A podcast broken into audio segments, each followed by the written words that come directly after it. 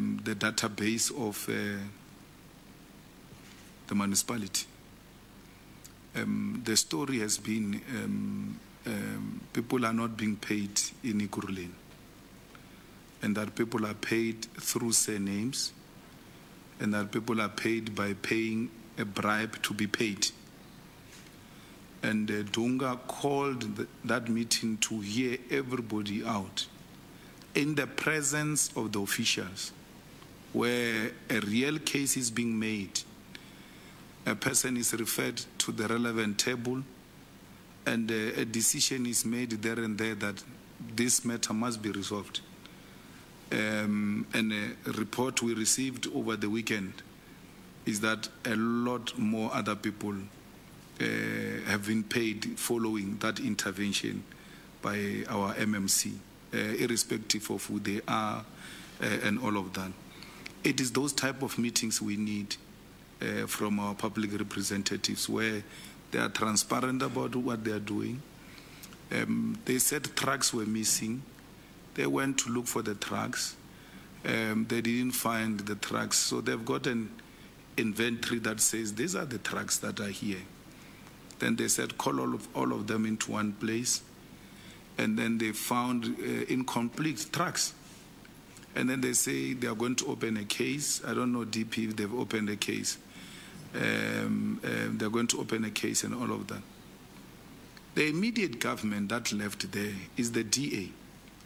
So you would expect the DA to be the suspect because they should have seen that the trucks are missing. Or they just simply didn't have interest or anything of that sort. In its typical nature, the ANC is the first one to jump and say there are no, tra- there are no trucks missing, there are no trucks missing.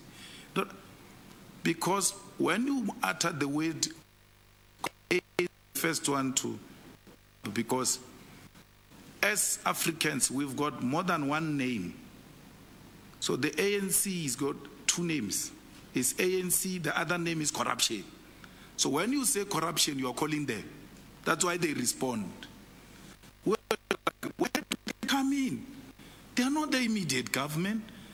We are trying to demonstrate to all uh, doomsayers that they, where the DA governs, governs better is not true. The trucks got missing under the DA. Who responds? The corrupt, the corrupt one says, no, the, the, there are no trucks missing here. Well, Instead of joining the EFF to look for the trucks, because we know the people who are using those trucks are black Africans in the townships. Without those trucks, there won't be service delivery to our people. No, they defend corruption. So we can't allow that.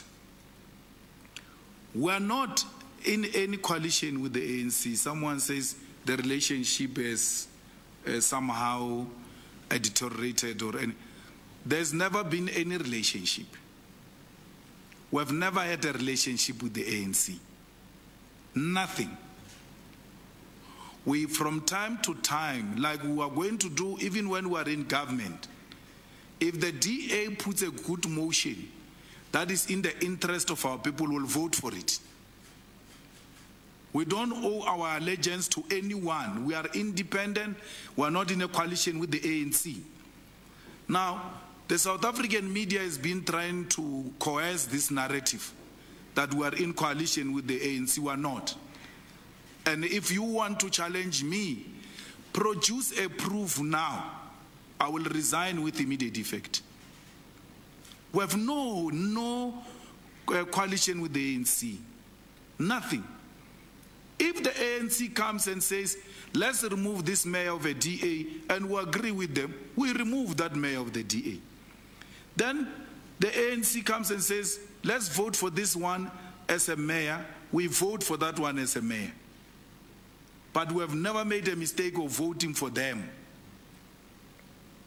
So, what type of a coalition partner is this one who doesn't vote for you?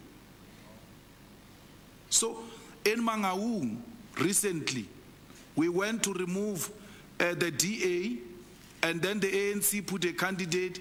We voted against the ANC candidate in Mangaung. So, which coalition are you talking about? In Imfuleni, we are going to vote against an ANC mayor because that uh, city is, is, is rotten. If you want to see the, uh, the typical ANC led government, which is obsessed with self and has lost interest of the people, go to Infulin. We can't have an ANC mayor in, in Infulin. No. If we want to rescue that place, let's go and remove the Infuleni mayor of the ANC because we are not in coalition with the ANC. We are not in discussion with the ANC about anything. Anything. So, actually, Mbalula issued an instruction to Free State that they must never talk to the EFF.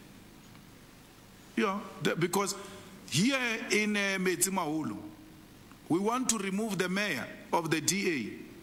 Mbalula said, no, they must not talk to the EFF in the whole of Free State.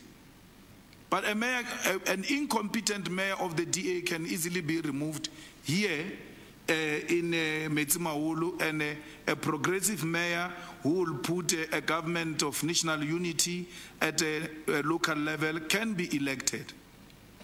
That's how much we are not in talks with the ANC. We're, so, so uh, we, we, we, we really shouldn't be even saying the EFF is going to talk to the ANC. We're not. We're not in alliance with the ANC. Julius Malema there uh, speaking to the media and uh, clearly stating that they are not in coalition uh, with the African National Congress, uh, a point that they have been uh, at pains to make uh, for a long, long time, saying that they vote according to what they believe. But even where they have been seen to be going along with the ANC, they have never voted for the ANC.